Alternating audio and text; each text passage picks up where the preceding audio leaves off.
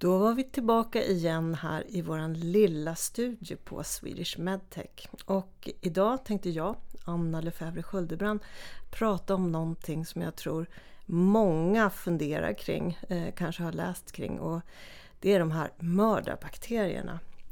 Eh, det är någonting som eh, skrämmer oss alla och medtech kan nog vara ett vapen i kampen mot mördarbakterierna. Men för att titta lite mer på det här så har jag bjudit in Karin Hasselström som är ordförande i en av våra arbetsgrupper.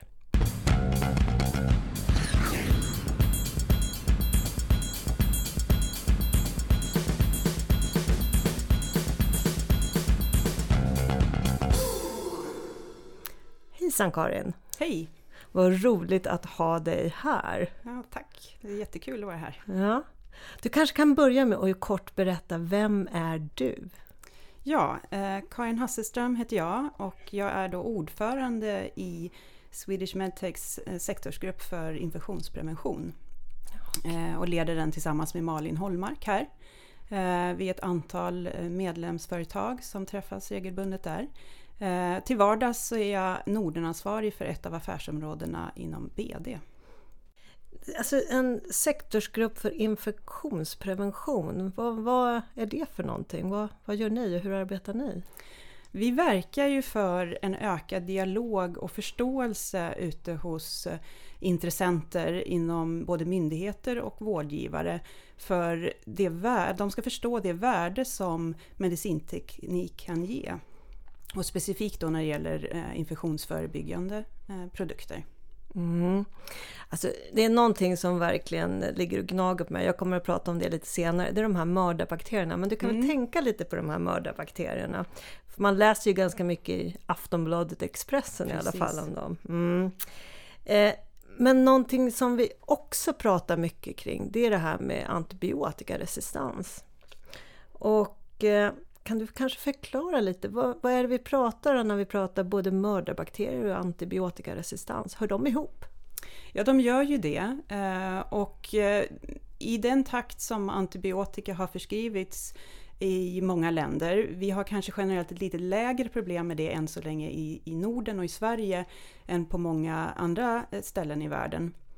Men allt eftersom eh, antibiotika används i väldigt hög eh, utsträckning för infektioner som kanske egentligen skulle klara att läka ut utan det, så bildas det också en resistens hos de här eh, mikroorganismerna och bakterierna. Eh, och det gör att antibiotika, antibiotikan helt enkelt blir verkningslös. Eh, och med, med den så att säga, trend där folk reser kors och tvärs över världen så sprids det här naturligtvis till alla delar, även till Sverige.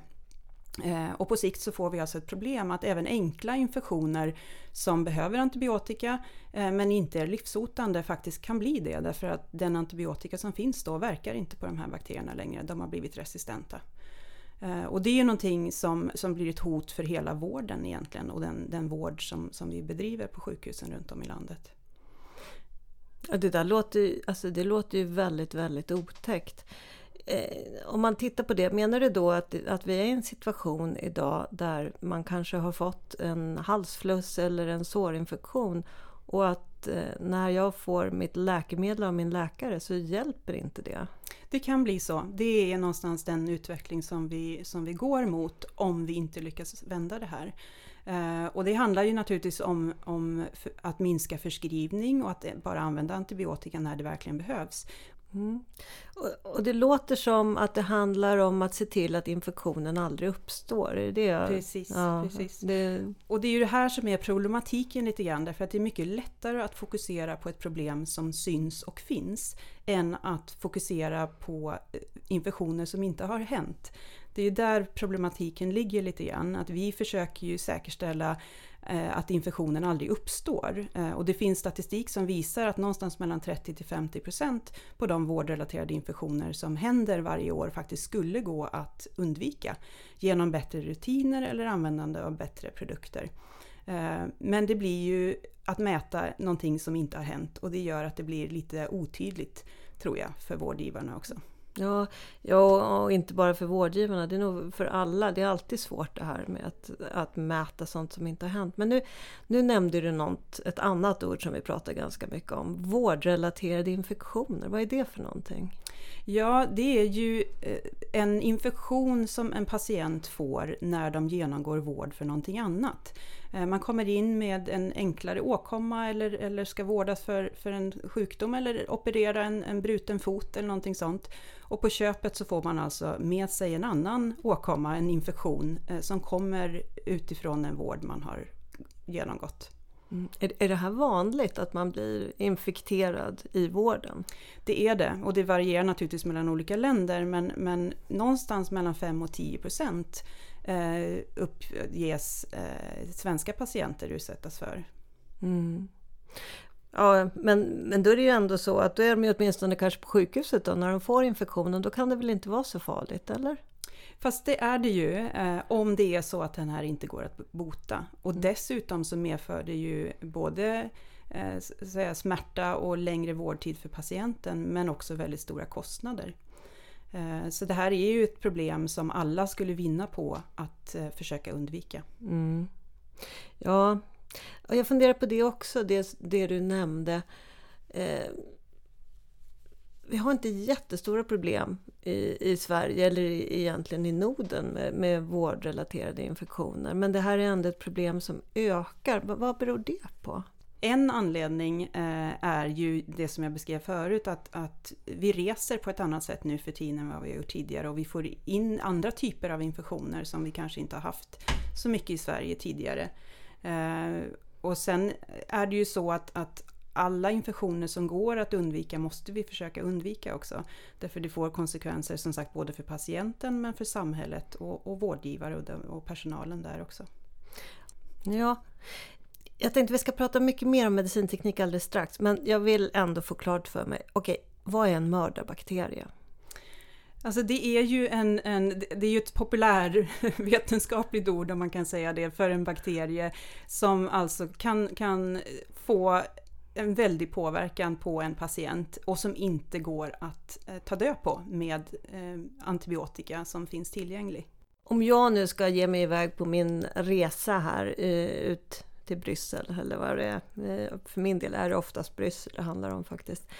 Är det någon medicinteknik som skulle kunna hjälpa mig redan innan jag är infekterad så att säga? Finns det någonting som jag kan göra för att minska risken att jag plockar med mig de här bakterierna hem? Alltså att tänka på hygien generellt är ju alltid bra. Eh, men sen är det ju också så att, att vi är ju rustade för att klara av eh, bakterier. Så kroppen har ju oftast, om man är frisk, ett, ett hyfsat gott eh, motstånd. Eh, utan det är ju när, oftare när man blir sjuk av någonting annat. När man, eh, immunförsvaret kanske är utsatt på, på andra sätt. Och att då utsättas för en infektion som kanske också är eh, värre på grund av att det är mera motståndskraftiga bakterier till exempel som man ofta kan råka ut för på sjukhuset. Eh, då är man både mera utsatt och man riskerar att få en värre infektion kanske också. Mm.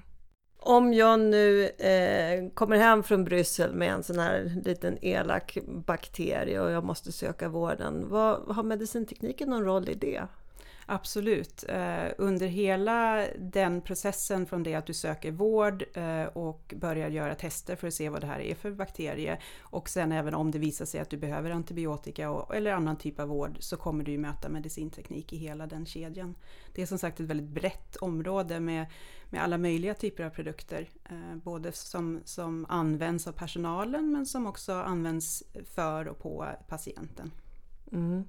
Jag har förstått det som jag har läst om just de här antibiotikaresistenta bakterierna, att en del av dem är ju resistenta mot vissa eh, antibiotika och andra mot andra. Jag antar att medicintekniken är viktig här också? Absolut, och det handlar ju om att så snabbt som möjligt identifiera vad det är för typ av bakterier så att man ger rätt behandling och rätt typ av antibiotika från start. För det är ju just när man går brett eh, som man också riskerar att öka resistenten, så man, man, resistensen. Så man behöver ju alltså eh, zooma in på att kunna ge rätt behandling så snabbt som möjligt. Och där är ju medicinteknik väldigt viktig för att utföra de proverna. Ja, när, man, när vi pratar om det här med mördarbakterier så, så kommer jag tänka på det här med blodförgiftning. Eller jag har förstått att det är sepsis vi ska säga, mm. mer korrekt. Men, men har de någonting med varandra att göra? Absolut. Eh, ju mer aggressiva bakterierna är, eh, desto större risk är det ju att det utvecklas sepsis så småningom, om man inte får den hjälp man behöver. Eh, och generellt sett så ju allvarligare infektioner, desto större risk för, för patienten. Och sepsis är helt klart en, en, en riskscenario där också, som kan, som kan bli en följd av mördarbakterier, om vi använder det namnet. Mm. Och just i vården då, är det vanligt med sepsis i vården? Det är relativt vanligt faktiskt eh, och en nog av de mest okända sjukdomarna faktiskt. Mm. Var det 40, 40 000 eller? Mm, 40 000 svenskar 40 000 som drabbas av sepsis mm. och av dem så i nuläget så dör 8 000. Så här, det är enormt många. Det är väldigt många och ja. därför så har vi också ett samarbete med, med Sepsisfonden och försöker sprida och hjälpa dem att sprida kunskapen om sepsis, både inom eh, vårdpersonalgruppen men också patienter och allmänheten. Mm. Eh, och de har visat ett gott resultat. Det har, under de senaste åren så har kännedomen ökat men den är mångt eh, mycket lägre än för stroke till exempel. Mm. Som många fler känner till. Ja, för om man då tar på sig patientrocken. Man är ju patient emellanåt och just infektion det är väl något som nästan alla råkar ut för. Eh, inte bara en gång i livet utan många gånger i livet. Mm. Vad, vad ska jag tänka på då som patient när, när jag känner att nu det här såret som eh, såg väldigt litet och oförargligt ut, nu börjar det vara rött och bultande. Vad är mm. det jag ska göra då? Man ska ju söka hjälp naturligtvis och, och eh, inte ta för lätt eh, på situationen. Eh, och sen också ställa krav på sin vård när man väl är på sjukhus. Eh, och hjälpa till kanske att säkerställa att, att det är en hög nivå på hygien eh, och ställa krav på att man också får rätt till den typen av produkter som, som kan underlätta och, och minska risken för, för vidare spridning eller att det blir en allvarligare infektion. Mm. Jag tycker det är intressant också eftersom jag nu ändå jobbar som VD för Swedish Medtech så är det ju väldigt intressant med de här medicintekniska produkterna som du säger kan förebygga eh, infektioner. Eh, du nämnde det, men kan du berätta lite mer? Vad är det för exakt för produkter vi pratar om? Vad är det mm. man kan möta? Ja, alltså det, det handlar ju väldigt mycket om hur de här produkterna designas. Eh, det ska vara en produkt som, som minskar risken för att bakterier kan fastna. Eh, det kan ha allt från ytmaterial Eh, Eh, på produkten att göra, men också den själva utformningen, det vill säga designen på produkten. Den ska vara slut, ett slutna system generellt är bättre än öppna system till exempel, för att minska risken för att det ska kunna komma in bakterier någonstans eh, och sen också fortsätta att växa. Eh, så att det, har, det har allt från material till teknisk design på de här produkterna. Eh, och, och många får en, någon form av, av intravenös infart om man blir inlagd på sjukhus. Antingen för att bara få vätska eller är det medicinering. Eh, och där så handlar det väldigt mycket om att hantera den infarten på bästa sätt eh, för att minska risken för infektioner. Och den ska naturligtvis också vara utformad och, och, och gjord på ett sätt som minskar risken. Eh, och om man genomgår en, en, operation så behöver man ofta en, en kateter, en urinkateter till exempel. Och även där så finns det produkter som är utformade och designade för att minska risken för infektioner. Och på samma sätt när vi går till, till antibakteriella suturer eller eh, sårvård eh, som i efterhand då säkrar att det inte växer bakterier och, och blir infektioner efter en operation till exempel. Jag tänker på det, för mm, på något sätt så tror man ju kanske att en del bakterier finns i luften. Hur, hur kan man säkerställa till exempel i ett operationsrum då, att, mm. att man minskar risken? Absolut, och där är ju till exempel ventilation väldigt viktigt. Eh, att se till att man, man minskar förekomsten. Eh, samtidigt så är det viktigt med, med de kläder och skyddsutrustning som, som personalen har på sig för att minska risken för spridning eh, av hudceller och annat. Eh, och sen så naturligtvis också eh, dekontaminering, alltså städning och desinficering av ytorna i en operationssal är också väldigt viktigt. Och där kommer också medicinteknik in. Ja, vad är det som, eh, om du skulle ge mig som ett litet tips. Det är sällan jag har kontakt med vården men det har hänt några gånger. Om jag nu ska in och opereras, vad är det jag ska tänka på då som patient? Ja, du ska ju se till att du är i så bra skick som möjligt när du kommer in på sjukhuset. Att du har druckit, att du har tagit hand om dig, att du har, har tvättat dig efter de instruktioner som du har fått innan eh, operation. Eh, men också att eh, kanske ha ett litet vakande öga. Man blir kanske lite miljöskadad när man jobbar i branschen själv. Men att försöka också eh, hjälpa personalen att, att se till att, att man har en god hygien och får den, den, de rutiner och, och den hjälp man behöver under processen, tänker jag. En fråga som jag inte vet om, om den är relevant att ställa, men jag vet att för några år sedan så var det mycket diskussion om att i medicintekniska produkter just att man har material som gör att bakterierna inte kan växa. Och att det diskuterades kring, ja men kan det här också driva antibiotikaresistens? Har man fått något svar på de frågorna? Det var en stor diskussion eh, under eh, eh, några år där. Men jag tror också att man har, har kommit fram till, alltså det finns alltid motstridiga rapporter och, och tester kring sånt. Men man har också visat att nyttorna för specifika eh, användningsområden och individer överskuggar de riskerna och man har egentligen inte kunnat visa att Eh, att det är ett reellt och stort problem. Utan eh, det handlar om att undvika infektioner hos en individ som till exempel genomgår en operation.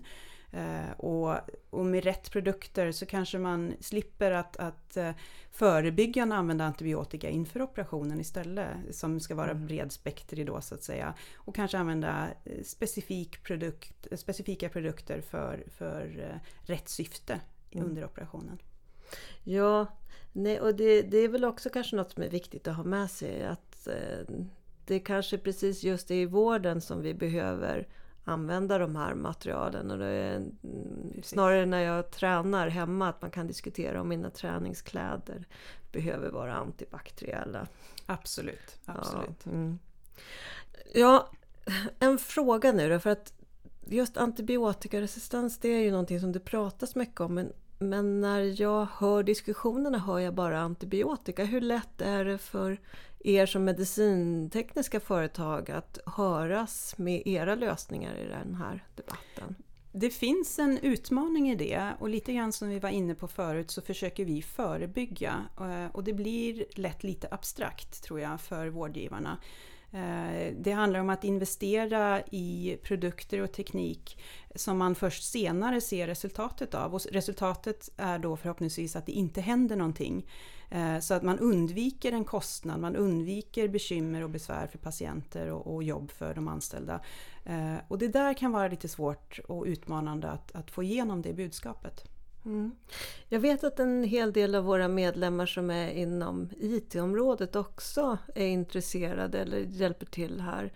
Eh, man jobbar mycket med data för att lokalisera så att säga, är det en infektion och vilken typ av infektion.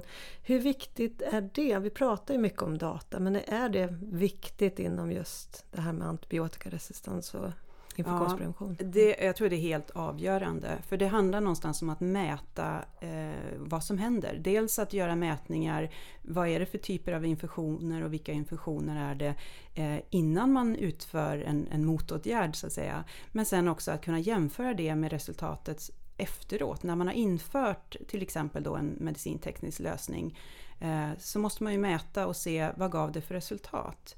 Eh, och problemet är kanske att det finns många faktorer som påverkar i ett, ett helt vårdflöde. Men, men det är ju det enda sättet vi har att försöka eh, i efterhand se vad resultatet blev. Eh, vilk, har infektions, antalet infektioner gått ner eh, och eh, har så att säga, flödet inom den delen av sjukhuset förbättrats efter att man införde de här nya metoderna eller produkterna. Om man tittar på er grupp då, vad gör ni för att höja kunskapen kring vad medicintekniken faktiskt kan göra inom området? Mm.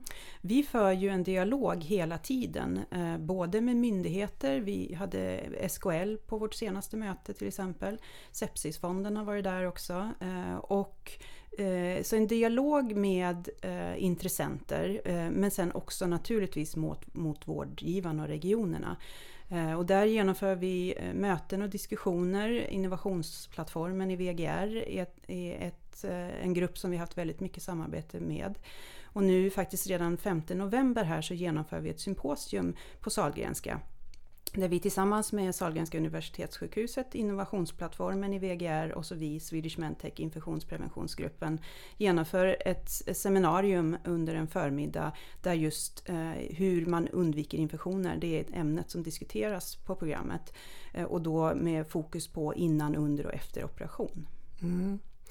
Om du skulle se en vision framåt, om du skulle se var, var svensk vård befinner sig om fem år. Mm Eh, vad tror du är de viktigaste sakerna för svensk vård att göra för att minska de risker som vårdrelaterade infektioner innebär och som just antibiotikaresistensen också ställer oss inför? Mm.